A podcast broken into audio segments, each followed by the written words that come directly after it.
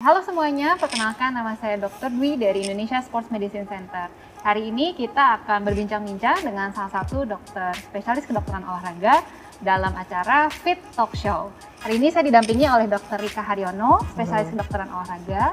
Uh, beliau uh, berpraktek, berpraktek di ISMC dan selain itu uh, beliau juga uh, merupakan staf pengajar di Universitas uh, Atmajaya.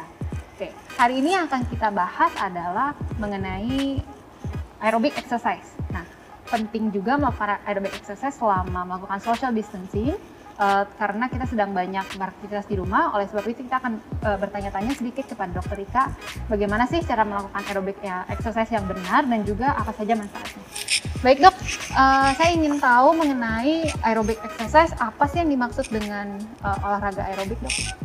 Baik, olahraga aerobik itu sebenarnya banyak dikenal di masyarakat sebagai olahraga untuk meningkatkan fungsi dari jantung paru. Saya ingin menjelaskan agak sedikit ilmiah mungkin. Boleh. Sebetulnya aerobik itu berasal dari energi yang digunakan.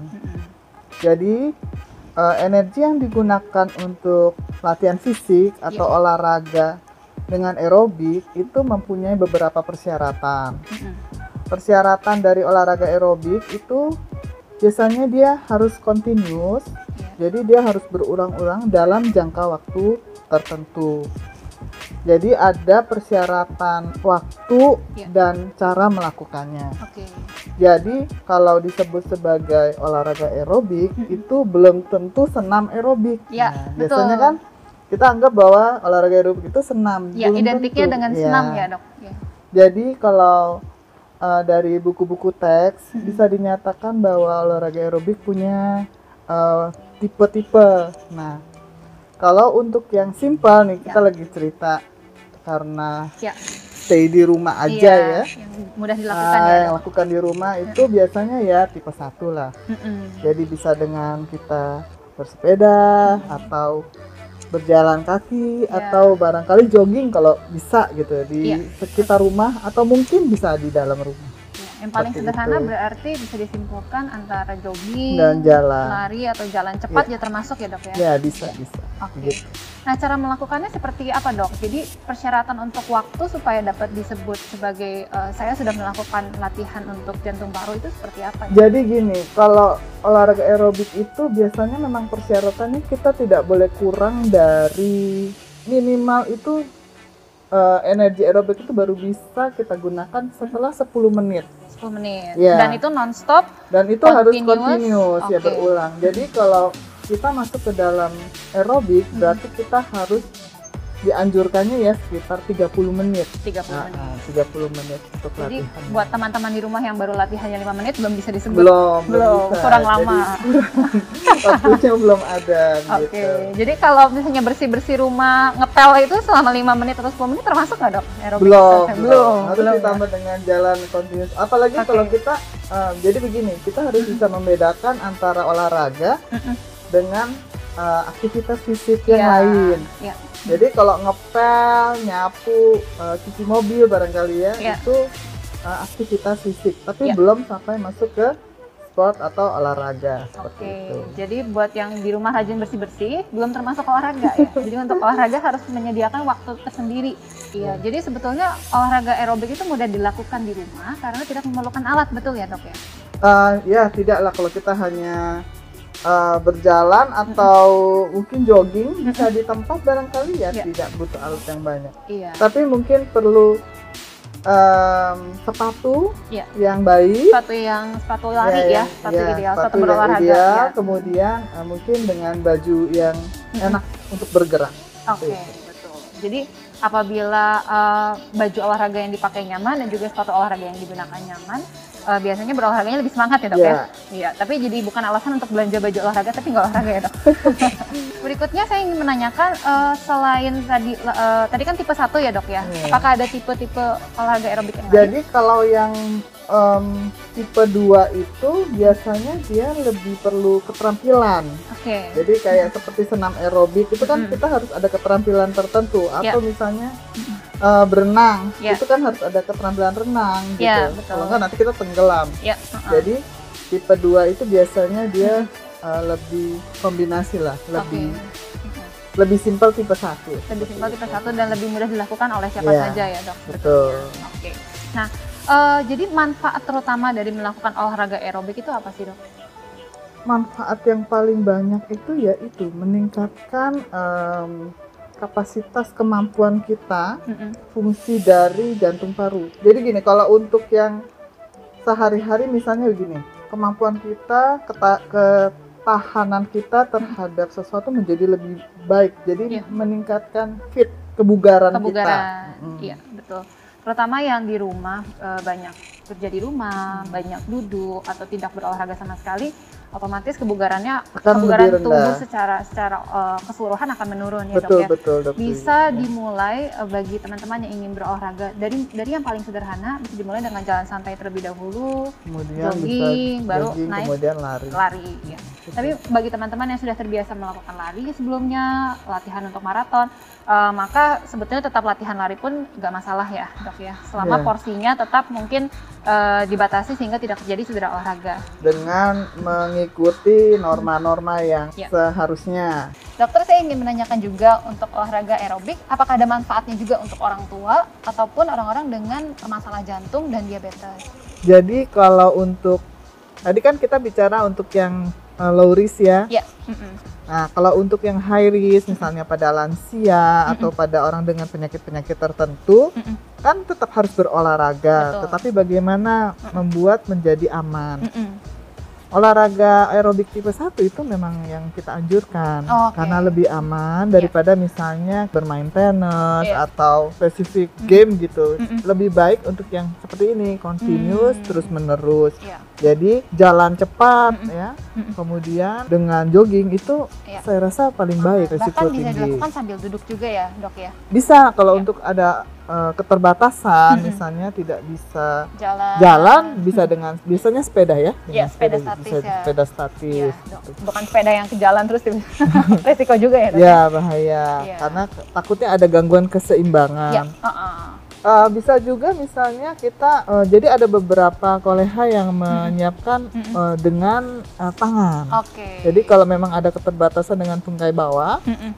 kita bisa juga melakukan aerobik dengan gerakan tangan. itu manfaatnya sama dok seperti kita melakukan sepeda jadi apabila dibandingkan kita melakukan sepeda statis lalu juga eh, untuk gerakan tangan seperti itu apakah manfaat yang Manfaatnya dirasakan sama, tapi mungkin yang lebih sulit dicapai adalah intensitas. Hmm, Tentu iya. saja agak berbeda Iya, intensitas iya, iya. untuk kita hanya melakukan gerakan di tangan dengan di dengan tungkai kaki, bawah oke. gitu. Otomatis Gitu. untuk mencap untuk uh, meningkatkan intensitas dari ringan ke sedang itu perlu lebih berat perlu ya lebih berat. Tapi Oke. daripada tidak melakukan, Iya. apalagi resikonya tinggi kan dia Iya. harus melakukan aktivitas olahraga ya. Oke. Oke, saya rasa itu buat baik. Apakah ada penelitiannya dok manfaat langsung terhadap uh, misalnya orang-orang dengan penyakit jantung untuk menurunkan resiko atau dengan uh, orang-orang yang dengan diabetes? Apakah ada penelitiannya yang membuktikan bahwa dengan uh, aerobic exercise itu membantu untuk mencegah atau me- membantu pemulihan uh, sindroma metabolik dok? Kalau untuk sindroma metabolik, Hmm. em, darah tinggi ya, hipertensi, kemudian untuk penyakit-penyakit gangguan jantung Ya. dengan yang masih diperbolehkan untuk melakukan aerobic activity, Hmm. eh, exercise, Mm-mm. jadi memang ada izin dari Dari dokter, dokter jantungnya. jantungnya. Saya rasa itu manfaatnya besar sekali. Oke. Baik. Nah, yang saya mau tambahkan adalah untuk penyakit diabetes mellitus Ya. tipe 2 ya. Ya, mm. Selain aerobik sangat bermanfaat ya eh, untuk penderita diabetes tipe 2, Mm-mm. ditambah juga dengan latihan eh, strengthening exercise sangat Ya. membantu Sangat mengontrol kadar eh, gula darah kadar ya. gula darah. intensitas dan juga waktu yang disarankan untuk olahraga aerobik itu berapa kali seminggu ya dok tadi? Semua usia kita misalnya Iya, eh, iya. secara aman untuk memulai olahraga eh, aerobik yang disarankan minimal per minggu itu berapa kali dan intensitasnya berapa serta waktunya berapa lama dok? Pertanyaannya bagus, Mm-mm. Tapi jawabannya susah. Jadi begini, em, kita eh, olahraga itu sebenarnya sangat individual. Betul. Jadi betul. kalau Dokter Dwi menanyakan secara reguler, Ya. terpaksa kita harus membaginya. Jadi Iya, betul, kalau untuk betul. kon- kondisi yang reguler yang Mm-mm. biasa-biasa aja yang normal lah ya Mm-mm. itu memang ACSF menganjurkannya 3 sampai 5 kali per Iya, minggu iya. ya dengan waktu sekitar 30 menit jadi kalau satu minggu itu mungkin sekitar 150 Iya. menit ya Iya, 3 sampai 5 kali per tiga minggu. lima kali per minggu. Iya. Tetapi ada kondisi-kondisi ya. em, bagaimana kalau mereka tidak pernah melakukan olahraga? Iya, betul dok. Nah, jadi Misalnya kita sudah sebulan nih di rumah eh, work from home. Hmm, ya. Dan saya sebulan kemarin, aduh saya belum pernah olahraga sama Ya, sekali nih dok. Lalu betul. saya ingin memulai. Nah, Bagaimana memulainya? Betul. Jadi kita memulainya itu dengan cara semaksimal kita bisa. Iya. Tapi anjurannya adalah jangan eh, seminggu sekali gitu. Jadi Mm-mm. tetap tiga kali Iya. at least paling Tapi sedikit. jangan memaksakan diri mungkin kuncinya. Jangan memaksakan diri. Jadi mungkin mulai dengan 10 menit it's okay Ya. atau mulai dengan bisa 15 menit kemudian dinaikkan dinaikkan Iya. sampai paling sedikit kita melakukannya 30 menit. Kuncinya itu itu. konsistensi ya, Iya, berarti ya, dok. betul, Dan juga setuju. perlu mempertahankan intensitas latihan itu tetap konstan selama 10 menit yang kita, kita latih itu ya. Iya, ya. betul. Jadi jangan naik turun. Iya. Nah, untuk mengetahui kita sudah melakukan secara konstan itu dinilai dari apa ya, dok? Eh, kita bisa mengontrolnya dengan eh, nadi ya, Dengan nadi. Nah, nadi kita. Jadi eh, sekarang kan banyak ya, Mm-mm. banyak aplikasi, kemudian heart rate monitor ya yang Iya. bisa dari gadget ya bisa digunakan untuk mengontrol eh, nadi kita. Oke, jadi dengan Iya. meng- menghitung nadi sebetulnya sudah cukup ya, dok ya. Nah, Betul. targetnya kalau untuk intensitas ringan itu berapa persen ya, dok? Sekitar da, eh, 60 sampai 70 persen itu ringan. Dari maksimum heart rate-nya, dok. Ah iya, dari heart rate maksimum. Ah, dari ha- 220 dikurangin heart rate maksimum, Ha-ha. ah, dikurangin umur. Iya. 220 dikurangin Dikurangin umur usia untuk dikali persentase. Iya. Jadi untuk teman-teman di rumah yang ingin mengetahui udah berapa persen sih kita mencapai uh, nadi maksimalnya. Nah, cara mendapatkan nadi maksimal itu dengan uh, cara menghitung 220 dikurangi usia kita, nanti kita akan mendapatkan uh, nadi maksimal. Nah, uh, setelah itu kita bisa menentukan berapa persen, misalnya 60 persen, kita hitung 60 persen dari nadi maksimal Dikali kita ya. Jadi berbeda-beda untuk setiap usia dan uh, tidak bisa disamaratakan. Berikutnya dok, eh, tadi dokter sempat eh, menyinggung mengenai latihan penguatan dok. Nah, eh, apa sih latihan penguatan yang mudah juga untuk dilakukan di rumah dan kenapa harus dikombinasikan? Jadi memang latihan aerobik Mm-mm. itu tidak cukup. Mm, Kita tetap harus melakukan latihan eh, untuk kekuatan otot Ya. otot secara regional ya. Iya, Jadi misalnya eh, latihan otot-otot tungkai bawah, latihan otot tungkai, bahu dan sebagainya. Kenapa kita melakukannya?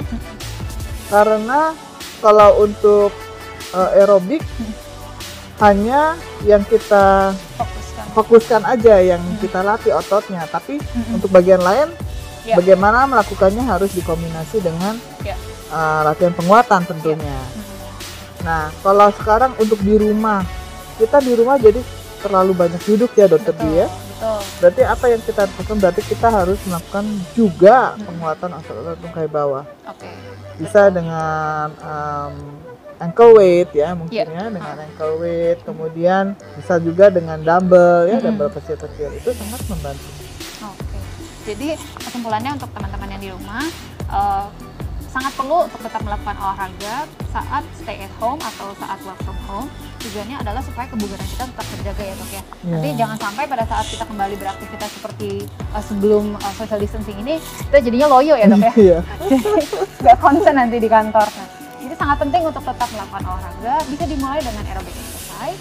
Selain itu juga sangat disarankan untuk melakukan uh, strengthening exercise atau uh, latihan penguatan. Tujuannya adalah supaya kita tetap membangun otot-otot yang lain yang uh, belum sempat terlatih dengan uh, Dengan aerobic salah exercise. satu. itu Iya, betul.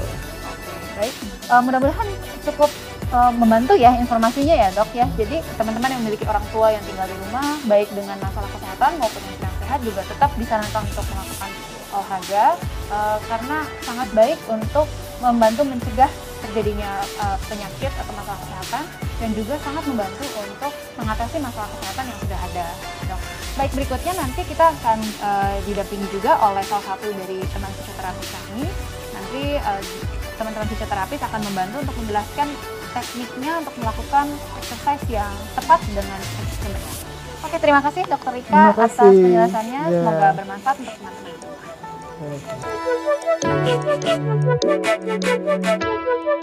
Oke.